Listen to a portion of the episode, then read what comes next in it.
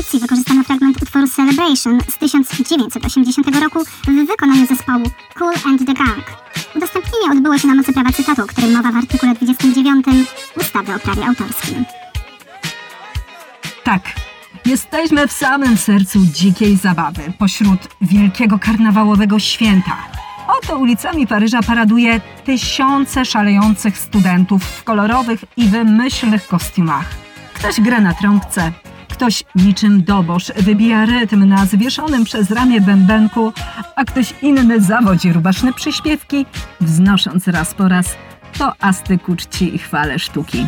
W tym barwnym tłumie, w tej całej wrzawie nie mogło zabraknąć króla paryskiej cyganerii, Henri de Toulouse-Lautreca.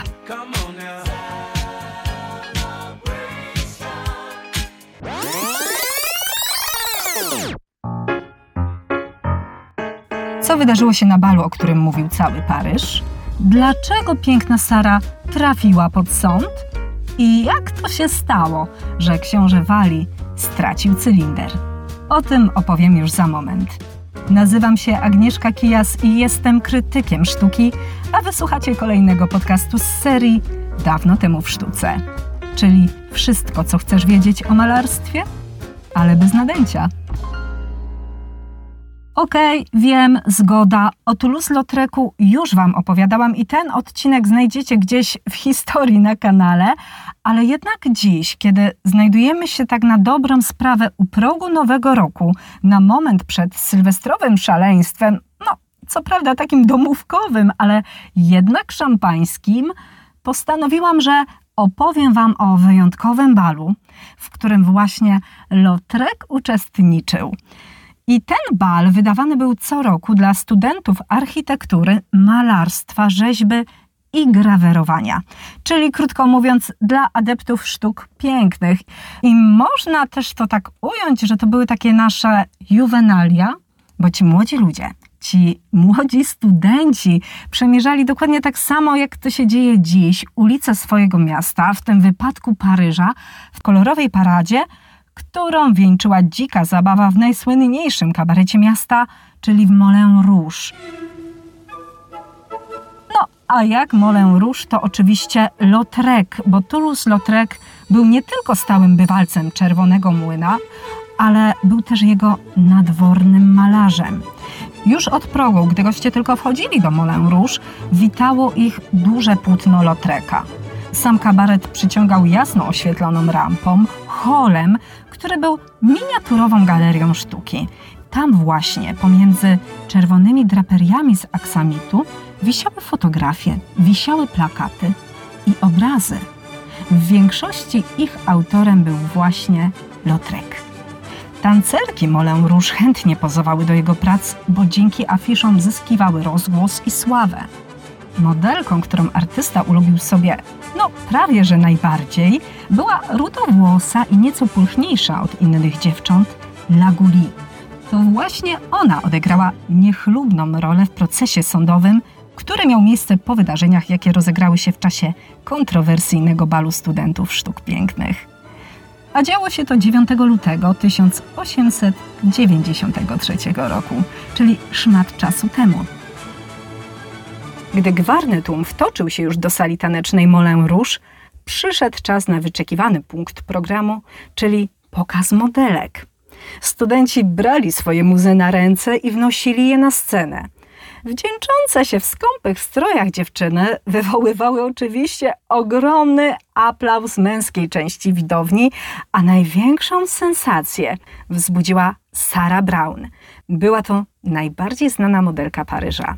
Jej lektykę dźwigało czterech studentów, a ona rozłożyła się w niej niczym Kleopatra i miała na sobie jedynie złotą sieć. Oj, tej nocy z fawolą i hulanką nie było końca. Wreszcie to całe rozochocone, rozbuchane i przy tym mocno podchmielone towarzystwo ruszyło w miasto. Poprzebierani studenci wpadali do okolicznych lokali i domagali się od właścicieli, by ci rozdawali im alkohol za darmo. No, a że co po niektórzy domagali się usilnie, to wezwano policję, skutkiem czego kilku uczestników balu aresztowano za zakłócanie spokoju i nieprzyzwoite zachowanie. Normalnie cała sprawa szybko rozeszłaby się po kościach, bo choć artyści owszem narozrabiali, to jednak nikomu nie stała się krzywda. Prawdopodobnie skończyłoby się na kilku upomnieniach, może na jakimś mandacie, ale to wszystko. Niestety, Pech chciał, że w tamtym czasie jeden z senatorów, René Béranger, prowadził silną kampanię przeciw obrazie moralności. Balujący studenci, no prawdopodobnie nieświadomie, ale jednak dość mocno zadrwili z jego przekonań, więc zaparł się i doprowadził sprawę przed sąd. Organizatorów balu oraz kilka uczestniczących w nim kobiet, w tym oczywiście piękną Sarę, oskarżono o demoralizację i obnażanie się w miejscu publicznym. Kiedy gruchnęła ta wieść, to Toulouse-Lautrec, który był wówczas liderem paryskiej cyganerii, stwierdził, że hej, halo, tak być nie może, co tu się w ogóle dzieje, co tu się odwala. I zwołał on uczestników balu, by ci tłumnie stawili się w sądzie i tak też się stało. Oni się pojawili na sądowej galerii dla publiczności.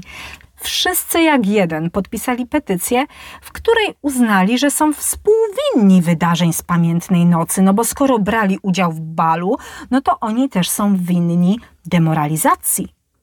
Wydawało się, że sprawa zostanie umorzona, bo nawet komisarz policji potwierdził, że w czasie balu nie doszło do żadnych gorszących scen, a jedynym świadkiem oskarżenia była pierwsza swawolnica Montmartu, Laguli.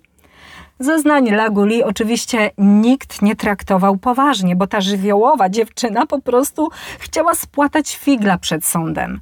Wspięła się na wyżyny swojego aktorstwa i trzepocząc rzęsami, prześmiewczo szczebiotała, jak to bardzo została urażona jej moralność.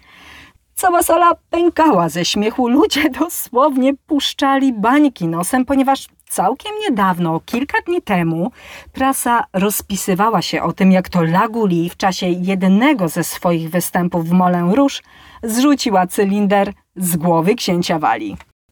Sędzia też wydawał się rozbawiony tym popisem, jednak wyrok zapadł.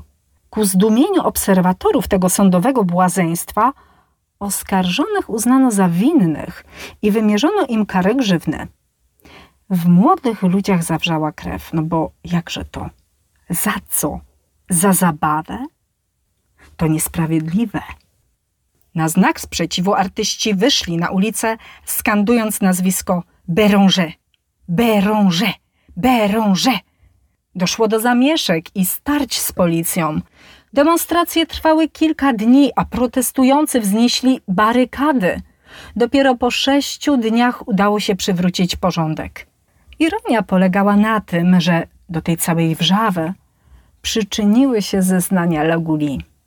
Wszyscy jednak mieli pełną świadomość, że wyrok skazujący był pochodną starań senatora, do którego całe środowisko artystyczne pałało szczerą nienawiścią. Lautrec dał wyraz tym frustracjom i namalował plakat, jaki później drukowano w prasie. Oczywiście plakat ten nie wpłynął pozytywnie na noty senatora, ponieważ przedstawiał on rozjuszonego byka, czyli symbol emocji artystów, przed którym w popłochu uciekał przerażony senatorek. Wniosek jest prosty. Nie zadzieraj z artystami, bo jak cię uwiecznią, to świat nie zapomni ci tego przez wieki. Bo kochani, ten bal odbył się 9 lutego 1893 roku. A ja opowiadam Wam o tym dziś, u progu roku 2021.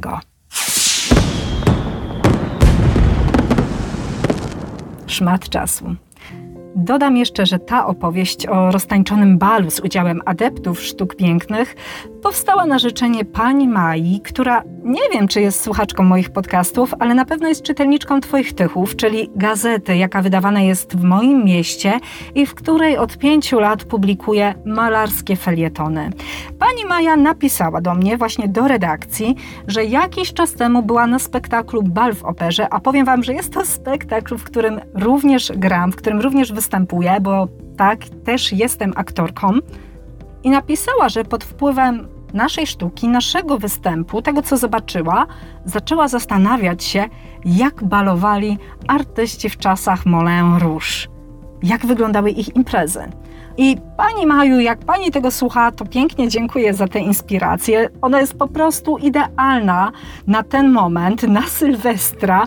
Zresztą podobnie jak sam bal w operze, bo jest to spektakl, który możecie zobaczyć właściwie nie ruszając się z domu. Dlatego, jeżeli ktoś ma ochotę, to zapraszam. Nasz spektakl można zobaczyć online i link do tego spektaklu zamieszczę oczywiście na moim facebookowym fanpage'u dawno temu w sztuce. Ciekawa też jestem, czy mnie rozpoznacie, bo część z Was zna mnie jedynie z głosu, a ci, co widzieli moje zdjęcia, to wiedzą, że jestem blondynką.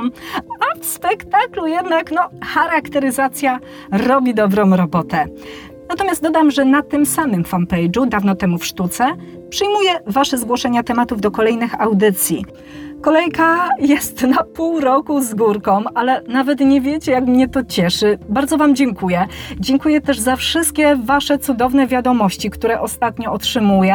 Jest ich naprawdę bardzo dużo. No, ogromnie mnie to cieszy. Dodam, że jestem też na Insta. Zatem, jak nie macie Face'a, to tam też możecie do mnie pisać. Na koniec życzę Wam szczęśliwego nowego roku. Oby był to rok pod każdym względem dobry dla Was i, cytując Vincenta van Gogha, egoistycznie dla mnie też. Nie dajcie się covidowi. Dużo zdrowia dla Was, ale też szampańskiej zabawy, pomimo tych wszystkich nakazów i zakazów. Tylko uważajcie na siebie, żeby tak jak nasi artyści nie trafić pod sąd. I w tym momencie, już na taki absolutny finał, ostatni raz w tym roku zagra dla Was Hania Derej, młoda kompozytorka z Tychów. Wszystkiego dobrego w nowym roku i do usłyszenia. Mówiła dla Was Agnieszka Kijas, krytyk z sercem do sztuki.